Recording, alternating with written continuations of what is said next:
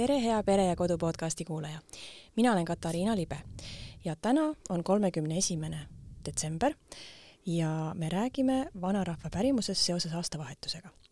selleks on mulle külla tulnud folklorist, usunditeadlane, Eesti Kirjandusmuuseumi Eesti folkloristika osakonna vanemteadur Reet Hiiemäe. tere, Reet! tere! kõigepealt ma küsiksin, et sa oled kirjutanud väga palju raamatuid Eesti rahvapärimusest ja need puudutavad nii palju erinevaid valdkondi, et kaitsemaagia ja, ja katkupärimus, endede ennustamised, armastus, mis su enda kõige südamelähedasem valdkond on? no kuna ma olen selles valdkonnas nii kaua töötanud, siis need südamelähedused on mõnevõrra ka muutunud ajas, et kui algusaegadel mind paelus eh, igasugune selline hirmuga seotud te eh, temaatika ja osad ka vägivallaga seotud, siis millalgi hakkas see nagu liiga frustreerivaks kiskuma. Ja siis tajusin, et tegelikult sellel on alati ka vastaspoolus ja see on see kaitse, selline turvalisuse teema. Ja see on nüüd jäänud tõesti päris pikkadeks aastateks, et näha ka võrdlusena, et kuidas minevikus siis on ka ebakindlatel aegadel ennast püütud kaitsta kuidagi sellise usundilise käitumisega ja et mis sellest on tänapäeval saanud, et paljud asjad on tänapäeval ka täiesti jälgitavad hästi, räägiks siis Eesti rahvapärimusest ja kommetest seoses aastavahetusega, aga võiks natukene siis ka sellest rääkida, et mis on tänapäeva kaasa tulnud ja mida võiksid siis meid kuulavad perekonnad ka täna õhtul siis äh, proovida, eks ole. et ma alustakski siis, et kui pikk see, see aeg, üldse aastavahetuse aeg vanasti eestlaste jaoks oli? no siin vist tulebki sissejuhatuseks öelda, et et aeg, kui vaadata sellist noh, katkematult voolavat eh, kulgu, et eh, selles vana pärimuse käsitluses ta ei ole selline ühetaoline, et mõned eh, sellised osad ajast on tihedamad, kannavad selliseid tugevamaid tähendusi, kannavad ka sellist maagilist alget. Ja tihtilugu need sellised maagilised tihedad ajad koonduvadki mingisugustele pööriaegadele ja selle aastavahetuse puhul siis võib öelda, et see on tõesti üks selliseid olulisemaid pööriaegasid ja eriti just siin nagu Põhja-Euroopas, sest nii pime on. et on tõesti ülimalt pime, on lisaks ka külm ja seega mingis mõttes loodus on nagu surnud ja selleks, et ta siis saaks uuesti alguse poole pöörduda ja uuele elule nii-öelda taassündida, et siis see on üks põhjus, miks neid rituaale siis koondus just äh, aastavahetuse perioodile no võib-olla peaks isegi lisama siis, et see aastavahetus on nagu üks selline pööriaeg, aga et pärimuses kogu aeg nagu midagi pööras.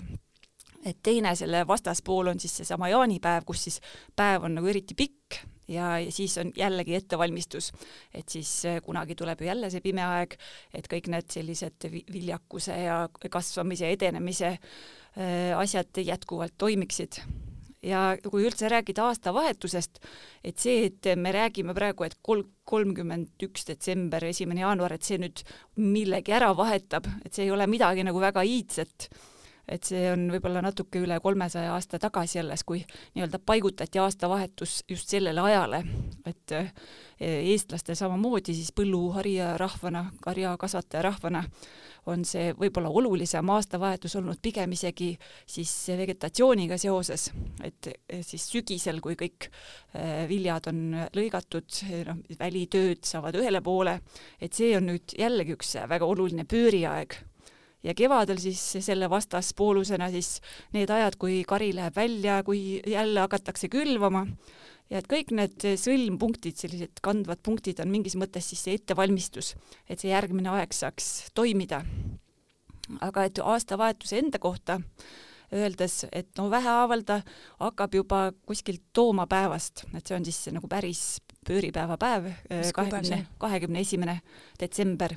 et siis äh, hakati vaikselt juba õlut äh, käima panema, äh, koristustöid tegema ja et siis riburada, seal on veel terve rida neid päevi, et siis tulid jõulud oma rituaalide, kommetega ja siis aastavahetus, mis ujuvalt läks lõpuks siis ka kolme kuninga päevaks, see on siis kuues jaanuar, et siis hakati vähehaaval nii-öelda argipäeva tagasi pöörduma millal see nii-öelda otsade kokkutõmbamise päev siis on, et millal siis nagu see pühade aeg läbi sai? no ega keegi, kui korra juba pidu käib, ei taha siis hakata seda kohe lõpetama. ja siin on erinevate piirkondade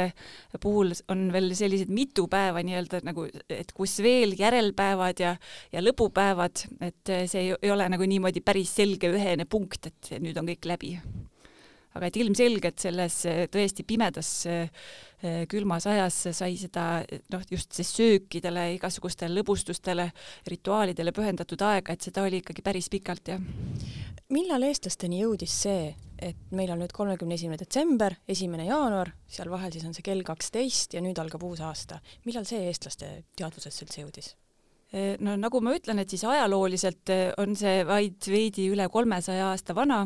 aga eh, minu arvates, kui vaadata meie sellist noh, valdavalt üheksateistkümnendal sajandil, kahekümnenda sajandi algupoolel kogutud pärimusmaterjali, et eh, ega seal ei ole sellist tohutut pöördepunkti, et nüüd on kõik teadvustanud endale selle, et see on aastavahetus, et see on ikkagi selline noh, nagu pikem see periood mm. -hmm. hästi, aga minnes nüüd nende rituaalide, toimingute, pärimuse juurde, et mida siis, mida enne kõike siis, ma ei tea, ennustati või, või taheti või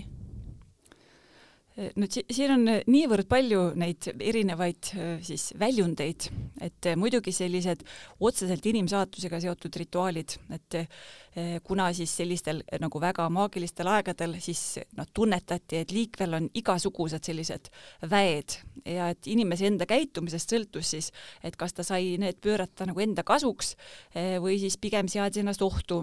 et eh, siis see elu saatusega seotud rituaalide teema on muidugi hästi esi esil, aga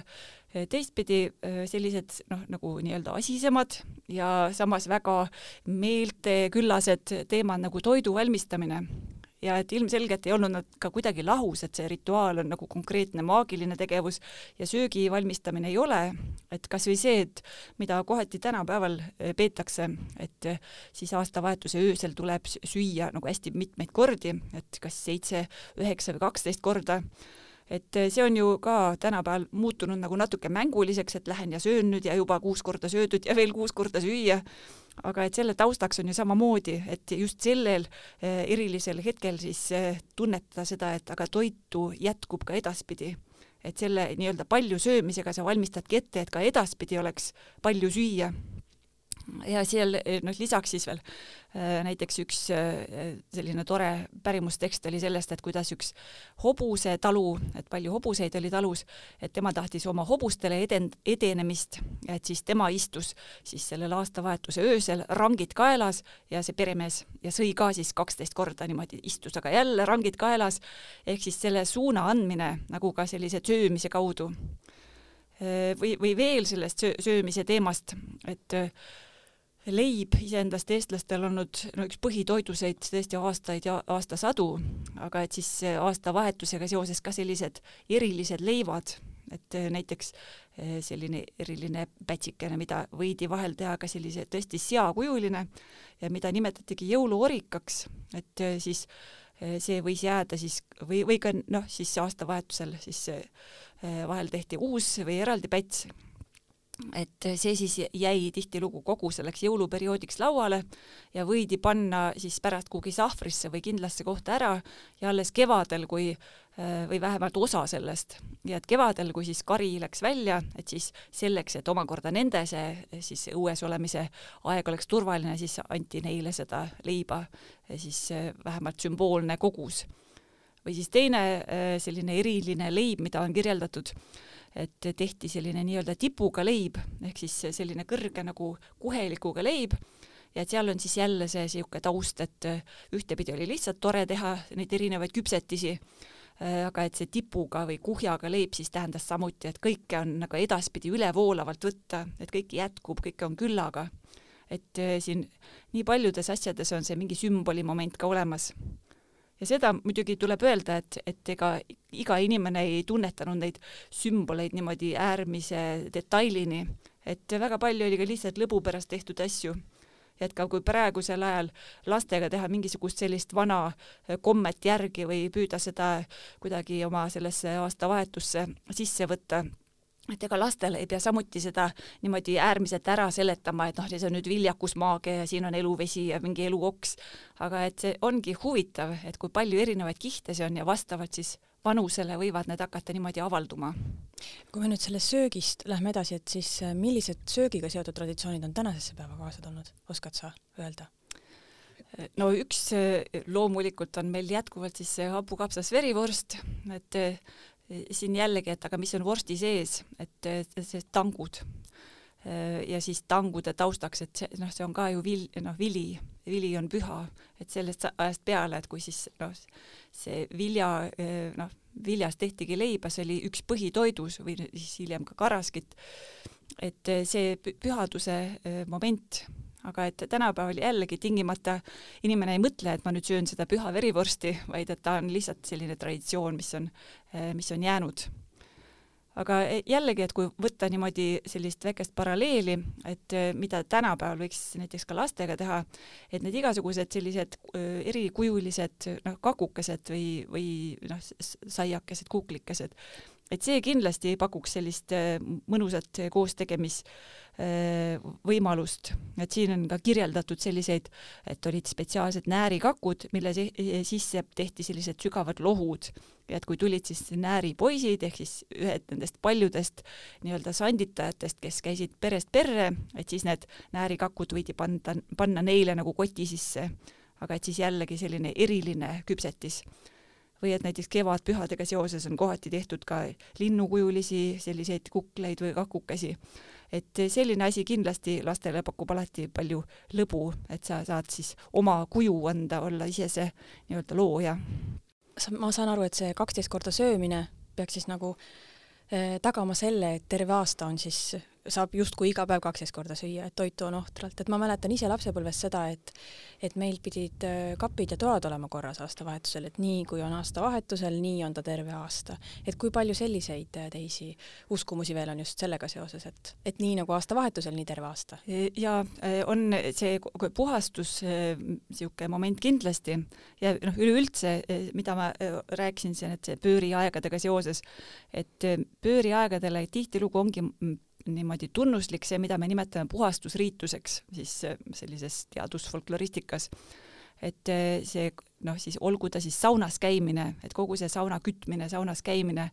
või siis suur puhastus, mida on tehtud noh, ka ju paljude äh, tähtpäevade eel või siis ka tule tegemine, et jällegi nagu puhastusriitus mõtteliselt selle suitsu ja tulevalgusega sa ajad kõik selle halva minema, mis su ümbruses võib olla kas sealt tule tegemisest võib olla tulnud ilutulestik ja säraküünlad ja? E, no ilmselgelt ja ka paugutamine, et see on e, jällegi, igasugused halvad jõud on ajast aega kartnud e, kõva pauku ja et seega see igasuguse pragistamise valgusega nende eemale peletamine aga veel selle kohta, et, et millised äh, need noh, nii-öelda sellist väikse rituaali maiguga tegevused on olnud, et äh, kui sa siis aastavahetusel hoiad toad puhtad, et tulevikus siis kogu aasta on toad puhtad, et siis näiteks minu kodus öeldi ka seda, et et kui sa hommikul kaua magad, siis sa oled aasta otsa laisk ja noh, ilmselge, et kui siis öösel käis üks suur trall ja kaua üleval olemine, et siis kippus see kaua magamine eh, noh, kergesti tulema, aga ma mäletan täitsa lapsena, kui ma mõtlesin sellele, et ma ikka kogu aasta laisk ei tahaks küll olla ja et siis ajasid ennast vähemalt noh, nagu eh, enam-vähem mõistlikul ajal ülesse. aga kui me räägime ennustamisest nüüd, mida ennustati? Eh, no ennustamisel, eh, mis on need kõige olulisemad asjad, mis on ajast aega olnud, et üks on kindlasti see üleüldine õnn, et noh, osalt see, et sa saad kõhu täis süüa, on samuti õnn, aga et pigem see jah, kindlustunne, et see elu üldse edasi läheb, inimesed ootamatult ära ei sure. Eh, et, et see kindlasti. Ja seal on nagu tõesti see rituaali küllus on noh, nagu väga huvitav ja siin eh, jällegi, et mõned need eh, ennustusrituaalid on sellised noh, võib-olla nagu liiga karmi maagiasse minevad, mida ma ei soovitaks isegi kuidagi lastega koos teha, et nad noh, neid võib hakata liiga tõsiselt võtma. et eh, on ka selliseid lugusid, kuidas siis ennustati mingisugust noh, siis kas tulevast või kedagi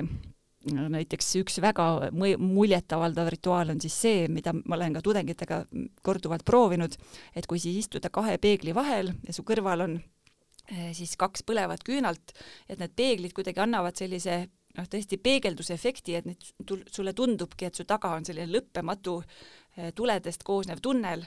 ja et siis selle rituaali kirjelduse järgi sa pead siis sinna tunneli lõppu vaatama, et kes sealt siis tuleb. Ja mõningate kirjelduste kohaselt tuleb sealt siis kas lausa vanakurat või vahel ka mõni naisterahvas. Ja siis näiteks üks tekst mul oligi, et, et siis tuleb üks naisterahvas, kes kõik tulevikku ette ära ütleb, aga nii kui juhtud kartma ehk häält tegema, siis kägistab ehk siis äh, sellised rituaalid on tihtilugu niisuguse noh, hirmu ja mingis pidi ka julguse proovimomendiga seotud. et see, kes siis äh, selle pinge või niisuguse äh, noh, jah, tõesti selle õhus oleva maagilise niisuguse atmosfääri vastu peab, et see siis võib neid teadmisi saada, aga teistele võib siis tulemuseks olla ka selline tõesti traumeeriv kogemus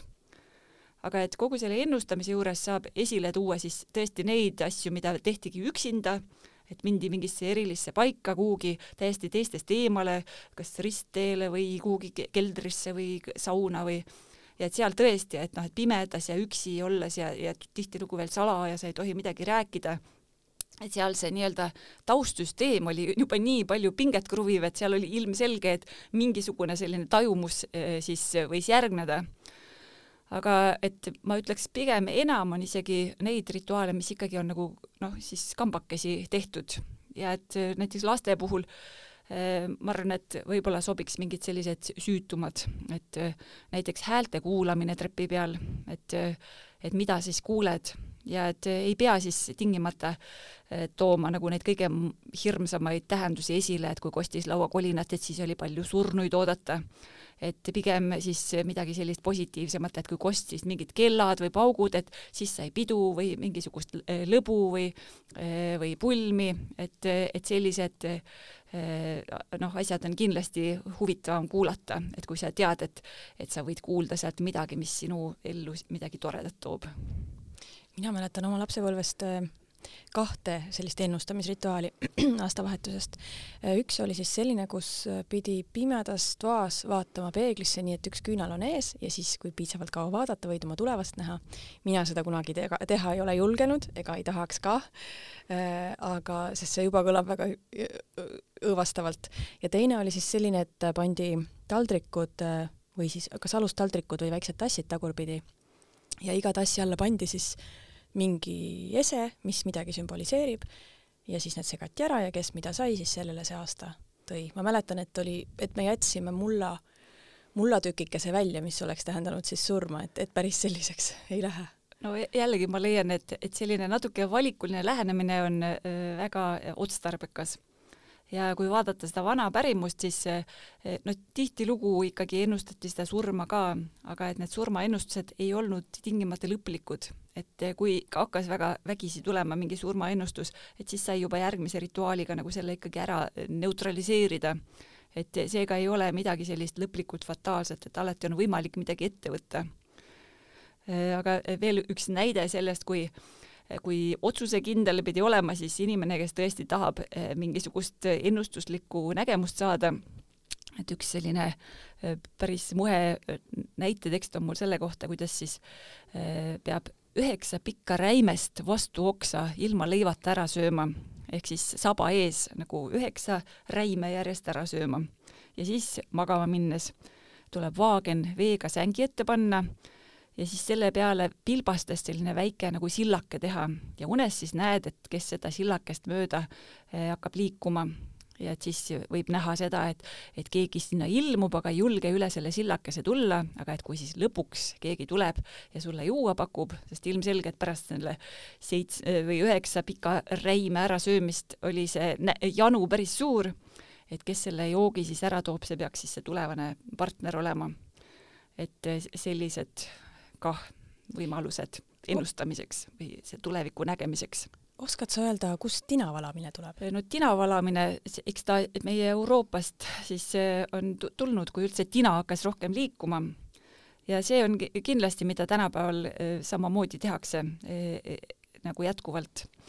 ja siin ka siis see kujude järgi ennustamine või mida noh, nagu kui kuju ise ei ole piisavalt selge, et siis ka on seina peale siis seda varju näidatud et eh, kuidagi siis tõlgendada seda. Ja et siin on ka, et üks asi on see, mis see tükk sealt tuleb, sellest tina kau-, kausist, aga et teine on veel olulisem, on ikkagi see, kuidas sa tõlgendad. et enamasti kõik need tükid on võimalik kuidagi isikupõhiselt ära tõlgendada, nii et see just selle isikuga sobiks aga kas enne tina tulekut Eestisse oli, oli, asendas sedasama rituaali miski muu või? no üldiselt ma leian, et, et kõige mugavam on olnud läbi aegade teha käepärastest vahenditest noh, neid siis abivahendeid ennustamisel või üldse rituaalides. et juhul, kui tina oli kallis, siis ilmselgelt seda väga laialt ei, ei priisatud ja üks asi veel, mis ma äh, tegelikult leian, et kui, äh, kui siis neid söömist on küllalt tehtud juba söödud kaksteist korda ja võib-olla ka mõeldud neid ennustamisrituaale ja ega kõiki neid rituaale ei pea tingimata tege-, tegema, aga et ma arvan, et aastavahetus on ka äh, sobiv koht sellisteks lugudeks, et üldse rääkida, et kujutate ette, lapsed, missugust elu on elatud ja kuidas, kuidas siis on püütud seda tuleviku vaatamist teha aga et üks asi, mis enamasti siis veel talupojakultuuris kuulus selliste tähtpäevade juurde, oli üldse ilma vaatamine või, või taevasse vaatamine. et siin on üks äh, asi, mida äh, siis äh, jah, et taevasse vaatamine. ja täitsa loogiline sümboolika on see, et kui taevas on selge, kui tähed hästi paistavad, et siis ülekaalukalt tuleb siis hea vilja-aasta ja samamoodi, et siis selline selge ja tähine taevas tähendab ka head pähklikasvu või siis loomadele head edenemist, et nüüdseks meil kariloomad küll ei ole nii eh, noh, aktuaalsed enam igas peres, aga et vanasti, kui igas peres tõesti olid siis oma lehmad-lambad, et siis see, et loomapidamine edeneks, oli kindlasti oluline. aga ka see, et see selge taevas siis tähendab, et sureb vähe inimesi, et jällegi selline lootusrikas aasta eh, vaatamine Need on olnud siis sellised ennustused, ehk siis justkui vastused on tulnud kuskilt mujalt, aga kui palju sooritati selliseid rituaale, kus siis inimene saab ise nagu väe oma elu üle, ma ei tea, on see siis nagu kaitsemaagia või kus ta, kus ta ise nagu paneb nüüd paika, millise, millist aastat tema soovib? no üks asi, ilma milleta, ilma milleta ei ole samuti saanud ühelgi ajal, on siis tervis ja kogu see tervise kindlustamine et tol ajal sellist asja nagu tervisekindlustus ametlikult ju ei olnud, seega tuli ise kuidagi selleks siis samme siis ette võtta, et seda tagada. ja näiteks siis on selline analoogia või sarnasus, et kogu selle aastavahetuse öö pidid jalad olla, olema kinni, et sul on mingisugused jalatsid jalas, et see siis sümboolselt kaitses selle eest, et sa suvel jalgu katki ei astu, et tihtilugu käidi ju paljajalu ja et see võimalus, et sa kuidagi jalad katki lööd, oli üpris suur, aga et sellega siis justkui terveks aastaks oli see kaitstuse äh, moment või et see või, või et madu ei salva näiteks jalga. Äh, aga üks selline tervisega seotud komme kuulus ka minu enda pere siis sellisesse rituaali valdkonda, et meil oli kombeks siis kell kaksteist öösel ümber kodumaja joosta kolm korda paljajalu ja see siis pidi tähendama, et kui sa selle jooksu ära jooksed, et siis on terveks aastaks tugev tervis tagatud. ja see, see oli tõesti, ma arvan, et ma võisin olla selline alla kümnene, kui ma neid hangedes sumpasin seal ja tolles hetkes ma ta-, tajusin nagu täie tõsidusega, et ma ise nüüd loon seda, kuidas mu tervis hakkab tulema. ja ma ei tea, kas see enesesisendus siis aitas, aga üldiselt oli, oligi mul väga tugev tervis aga et siin ka üks selline väike moment selle kohta, et kuidas, kui ajad muutuvad, siis ei saa tingimata kõiki rituaale samaks jätta, et äh, nagu praegu, mida ma siin enne ütlesin, et kui vane, varem oli see karja kasvatamine, kariloomade kasvatamine väga oluline ja paljud rituaalid on seotud sellega, et, et siis kariloomadel läheks hästi et kui praegu siis noh, siis keskmise linnainimese ainuke kariloom on mingi tšintšilja või hamster, et siis sellisel moel need rituaalid ei saa enam eh, toimida, et noh, siis tuleb leida mingisugused eh, teised väljundid või sellised rituaalid, mis jätkuvalt kõnetavad. Aga et selle sama ümber maja jooksmise rituaaliga siis oligi ühel korral selline lugu, et kui alati pidasime maal seda aastavahetust, siis ühel korral olude sunnil pidime seda tegema linnas ja seal siis oli meie elukohaks üks viiekordne elumaja. ja muidugi siis rituaalitruude lapsukestena läksime õega ka siis, siis ümber maja jooksma seda oma tervise tagamise jooksu, aga et selle viiekordse maja ümber jooksmine ilmselgelt oli juba märkimisväärselt külmem kogemus kui selle väikse talumaja ümber jooksmine. milliseid äh, traditsioone sa oled veel äh, lapsepõlves harrastanud ja, ja oled sa midagi kaasa võtnud ka? No üks asi jällegi, mida siis ema ütles, et, et on tehtud ja mida endal oli siis ka vaja teha, et alati on ju hea, kui on, saab midagi soovida. ja siis selline komme, et kui hommikul siis ära üles ärkad, et siis tuleb minna puuriida juurde ja pimesi kahmata sületäis puuhalgusid. ja kui siis need on nagu kahmatud ja tuppa toodud, et siis, siis alles üle lugeda.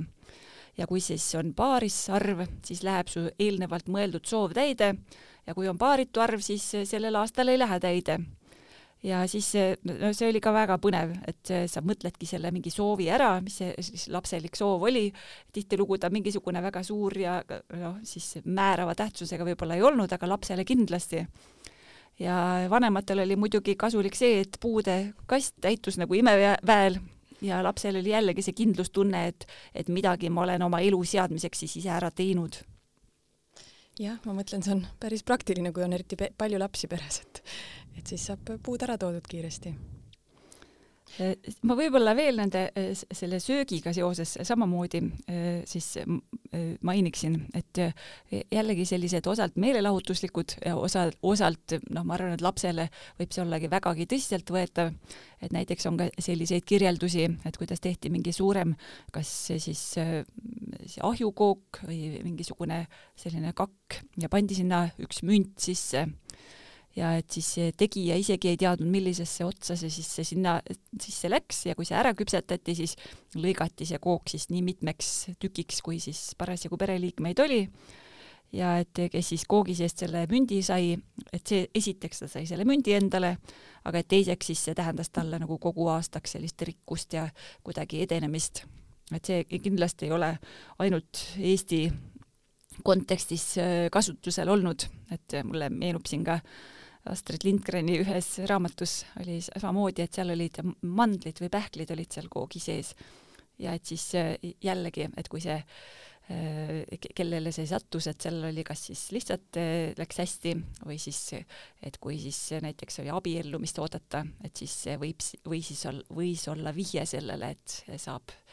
paari mindud. aga kas kaitsemaagiasse puutuvalt on veel midagi, et kuidas ikkagi teha nii, et, et tuleks hea, uus hea aasta? No kõik need rituaalid valdavalt on mingit pidi just selleks, et tuleks see hea uus aasta. ja siin, nagu ma ennegi ütlesin, et, et need, see gradatsioon nagu, et, et kui kange see rituaal eh, võis olla, et, et see oli väga erinev ja et siin ongi see, et, et kui kaugele on inimene valmis sellega minema et eh, kuna tavaliselt meie siis lääne ühiskonnas või sellises just Põhja-Euroopas on tavaks olla riietatud, et siis äh, näiteks ka aastavahetusel on mõned äh, täiesti alasti rituaalid kirjeldatud. Äh, ja üks, mida ma võib-olla loen ette isegi, et see, see oli siis sellest, kuidas keegi inimene uue aasta öösel ihualasti kesköö ajal läheb metsa ja lõikab ühe kadakapuu oksa ja seal teeb siis risti sellele otsa ja tuleb sellega ruttu metsast ära aga ei tohi ringi vaadata ja kui keegi järele hüüa, hüüab, ei tohi talle vastata ja siis selle vitsaga peavad kõik uksed lahti minema, kui sa kolm korda lööd. ehk siis jällegi selline nii-öelda sul tuleb täielik kontroll oma elu üle, et kui sul on kuhugi vaja pääseda, sa saad selle oma oksaga siis äh, alati sinna ligi äh,. aga jällegi, et kui palju siis inimene, kui kaugele on valmis minema, et kas ta tahab sinna ihu, ihualasti kesköö aegu metsa minna, et äh, on ka selliseid leebemaid võimalusi siis oma tulevikku tagada ja üks asi veel, mis äh, kindlasti sobib lastega teha, on äh, näiteks mõistatamine, mida kor-, korduvalt on mainitud ka, et mõistatamine ei ole lihtsalt lõbus, vaid et ta on ka sellise maagilise taustaga. ja näiteks üks seletus äh, nendes pärimustekstides oli väga praktiline, et kui öös, uue aasta öösel mõistatusi mõistat-, mõistatada, siis ei kao sokid ja kindad ära et eh, noh, kellel on rohkem lapsi peres, see teab väga hästi, et kogu aeg on mõni sokk või kinnas kadunud. aga eh, üks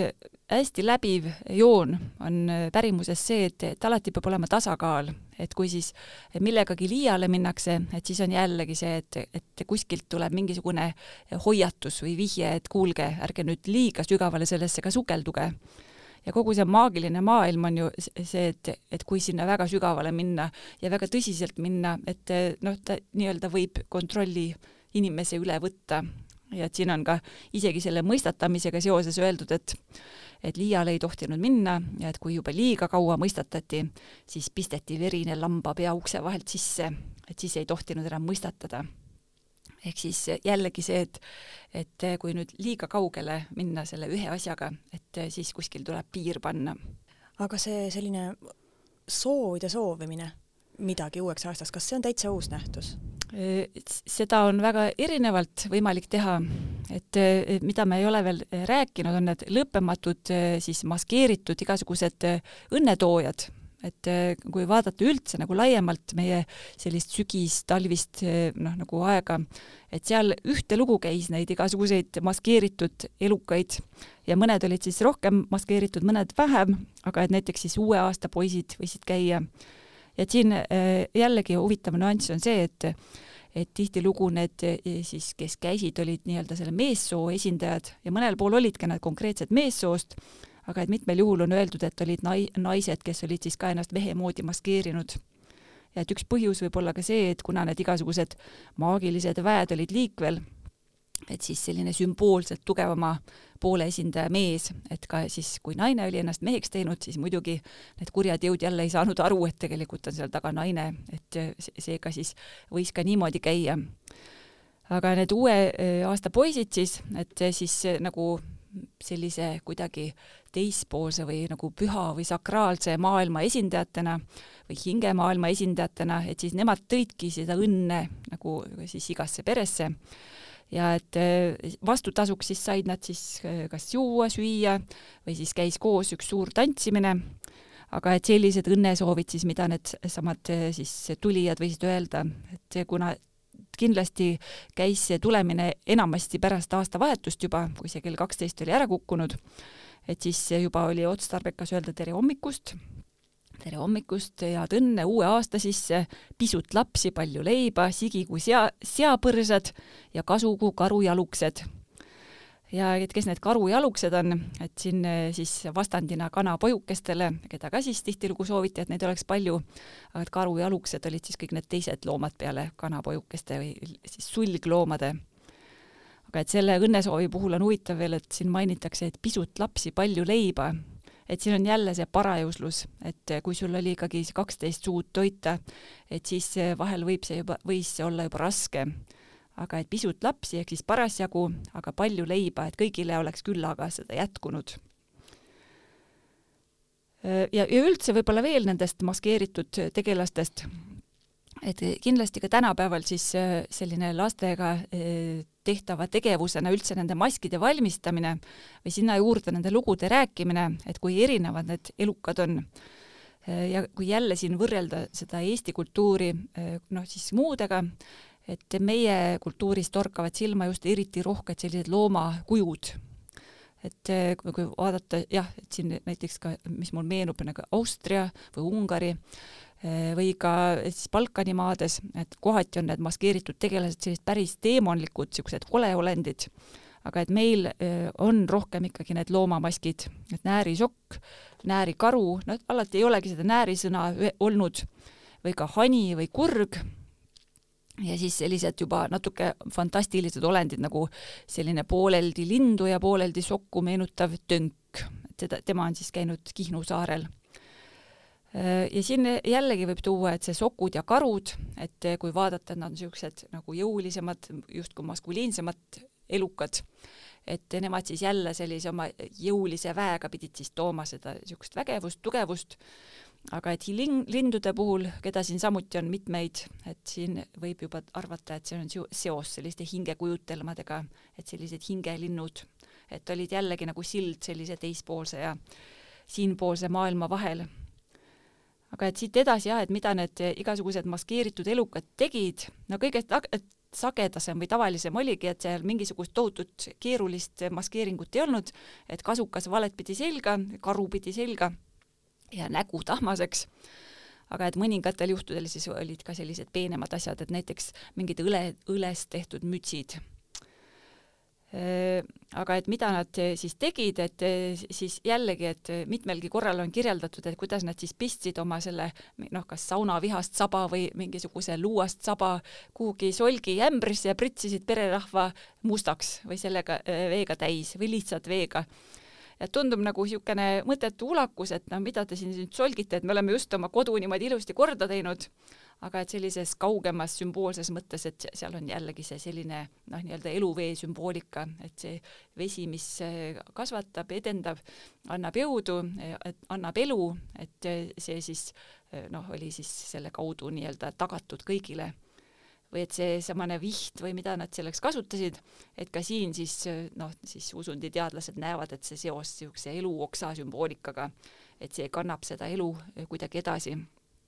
aga et nendes kirjeldustes endis on tõesti öeldud, et ma olin just uue kuue selga pannud, et ilus püha aeg ja siis tulevad sisse ja pritsivad mu kõik seda seasolki täis. et eh, jah, et paraku vahel tuli ohverdada see kuub üleüldisema õnne nimel. Sa mainisid vihta, kas saun oli ka kuidagi aastavahetusega seotud? Sa-, saun oli kindlasti aastavahetusega seotud ja mida ma enne märkisin, et see nii-öelda puhastusriituse osana et see sauna kütmine, kui on, on tegemist siis eh, suitsusaunaga, et see oli ise juba selline pikk protsess ja et just sellel ajal ja, ja ka nende maskeeritud külastajate puhul on mine, mõnelgi korral öeldud, et et kui siis parasjagu oli rahvas läinud sauna, et siis nad läksid sinna sauna järele ja hakkasid seal omakorda siis oma soove inimestele hüüdma ja, ja neid selle veega pritsima. nii et kui kujutada ette, kuidas see melu niimoodi välja nägi, et see, see ühest majast sisse, teisest välja, sauna ja siis süüa ja tantsida ja laulda ja, ja kõik sellised rituaalid sinna takkapihta, et mulle tundub, et see eh, võis olla nagu päris mõnusalt meelelahutuslik niisugune huvitav elu. Eh, kas kaitsemaagiasse seo-, seonduvalt on midagi veel? kuidas ikkagi seda head aastat saada? no kaitse, kaitse, kaitse, kui hakata lähemalt vaatama, see on tõesti kõikjal, et kas või see õlgede sissetoomine, no mida tänapäeval, kui on väga sellised puhtad ja valged interjöörid, siis võib-olla ei olda nii altid seda tegema, aga et kui on selline talumaja moodi koht, kuhu sobib tuua, et siis õlgede sissetoomine on kindlasti, mis alati lastele valmistab väga suurt lõbu aga et seda ei toodud ju ka lihtsalt nagu tühja eh, noh, tühja asja pärast, et seal on nagu nii palju neid tähenduskihte, et noh, üks põhjus võis olla praktiline, et et tõesti, et see, kui ei olnud ju mingisugust põrandakütet või sellist soojustatud põrandat, et siis nad noh, andsid ka sooja, et nende peal oli soe olla. Ja lihtsalt see mängimine ja möllamine ise oli lõbus, aga et noh, jällegi kolmandat kaudu seesamane seos selle püha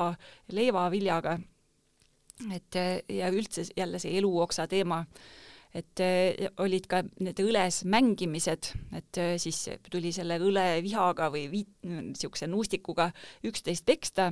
et ka siin on mainitud tihtilugu, et see peksmine omakorda andis sellist jõudu ja tervist, ehk siis see on selline huvitav seos, et sa justkui annad teisele tervist selle, siis selle vitsutamise kaudu ja, ja jällegi mõtlen, et kui, kui siis ka tänapäevas äh, siis neid õlgesid kasutada,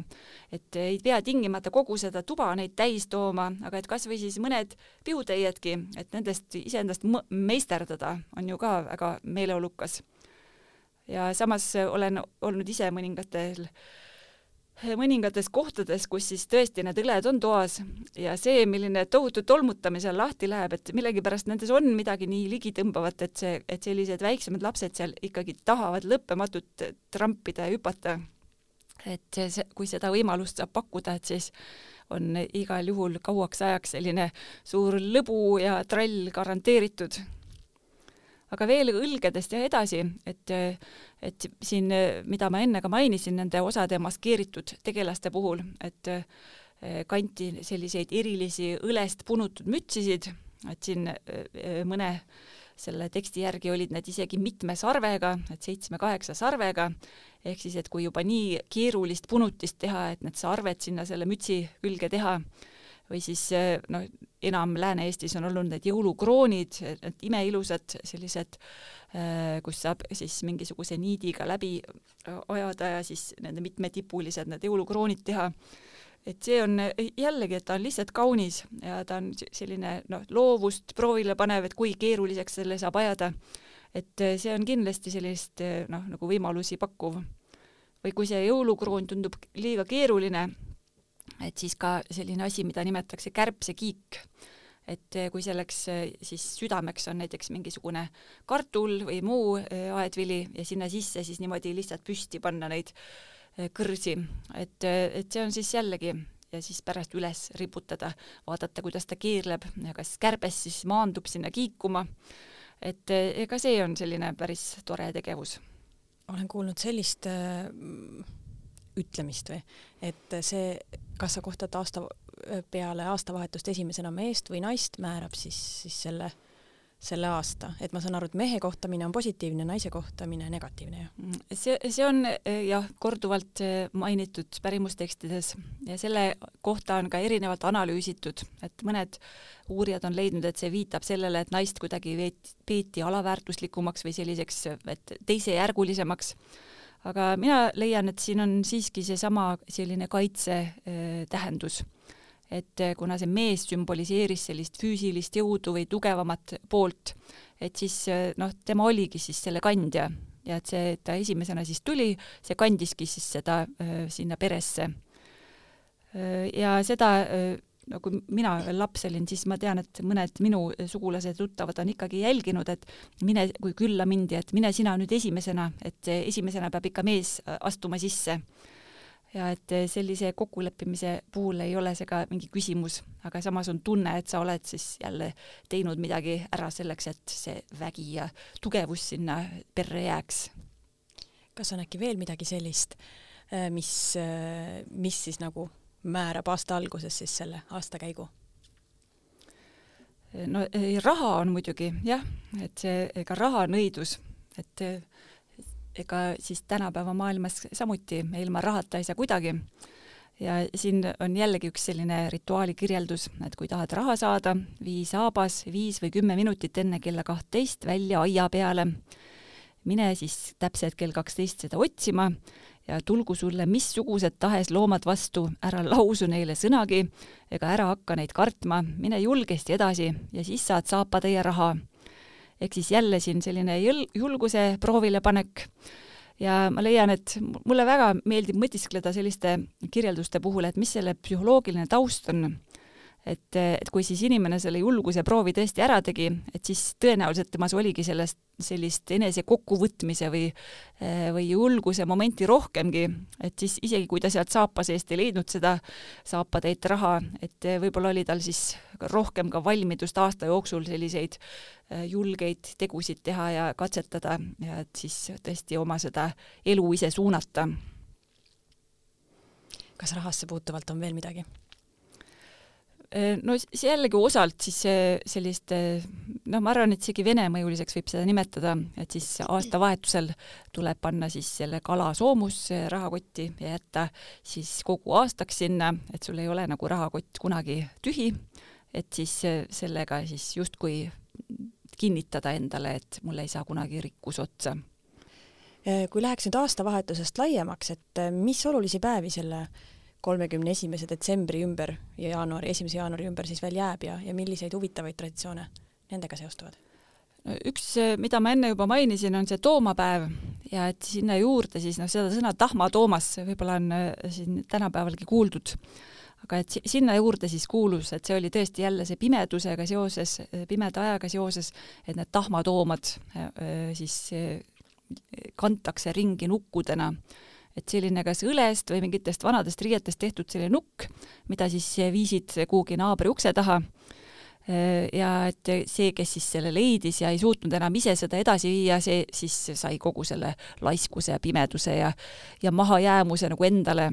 et see on iseendast sellise põneva mänguna, ma arvan, et päris meelelahutuslik, aga et kui seda niimoodi teha tahta, et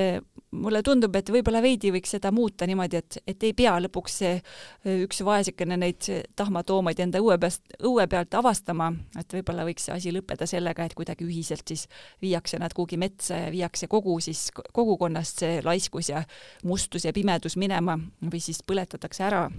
et keegi ei pea seda kogu jama endale saama aga et siin selle kohta mul ka selline päris muhe näitetekst, et kuidas siis käis pimedas üks tohutu madistamine ühest õuest teise ja viidi neid tahmatoomaid ja et siis ühte õue oli kogunenud siis neliteist tahmatoomast. et, et siis nii aktiivne võis see olla, et lõppematult viidi ja viidi, aga et selles ühes peres siis ei oldud eriti ärgas vaatama, et kes seal siis niimoodi liigub ja et sealt siis leiti neliteist tahmatoomast aga et samamoodi, et ega siis natuke kardeti ka seda, et keegi toob sulle seda laiskust ja mustust. Ja natuke oli see ka mänguline, et kui siis see viia kätte saadi, et kes tõi, tõi neid siis niisugust äh, nukku, et siis temal võidi teha silmad tahmaseks ja puu topiti kuue varrukatest läbi ja saadeti siis niimoodi koju. et see oli siis niimoodi karistus, käed laiali, lähed koju ja ise ei saa endal end, enne kuube seljast ära võtta, kui keegi sind aitab aga veel sellise aastavahetuse ümbruses, et üks äh, selline päev, mis on praktiliselt täiesti vajunud nagu unustusse, on tabanipäev ehk siis nimetatud ka Tehvanuse päev ja see on kakskümmend kuus detsember. Ja väga selgel põhjusel, et kuna ta jääb nii jõulude juurde või külje alla, et siis jõulud on lihtsalt nagu domineerima hakanud aga et kui vaadata ajalukku, et neid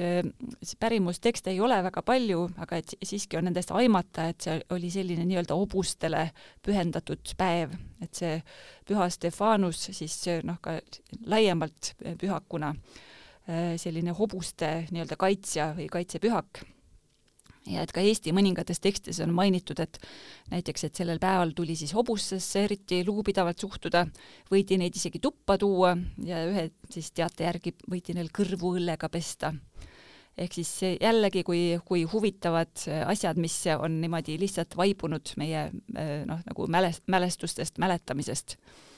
või siis ka need tabanisandid, kes kõisid, võisid käia täitsa oma selliste laulude, niisuguste eh, jah, jällegi tahmased näod peas ja ja tagurpidi kasukad seljas, et mängisid torupilli ja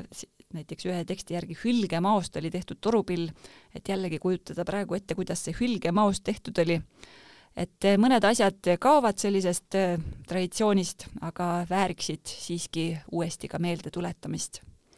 no kõikide santide asemel on meil praegu ju ainult Halloweeni sandid. seda ma ei julgeks öelda, et nad nüüd asemel on, et äh, vähemalt nendes äh, piirkondades, kus minul on sandid käinud või ma olen neid näinud,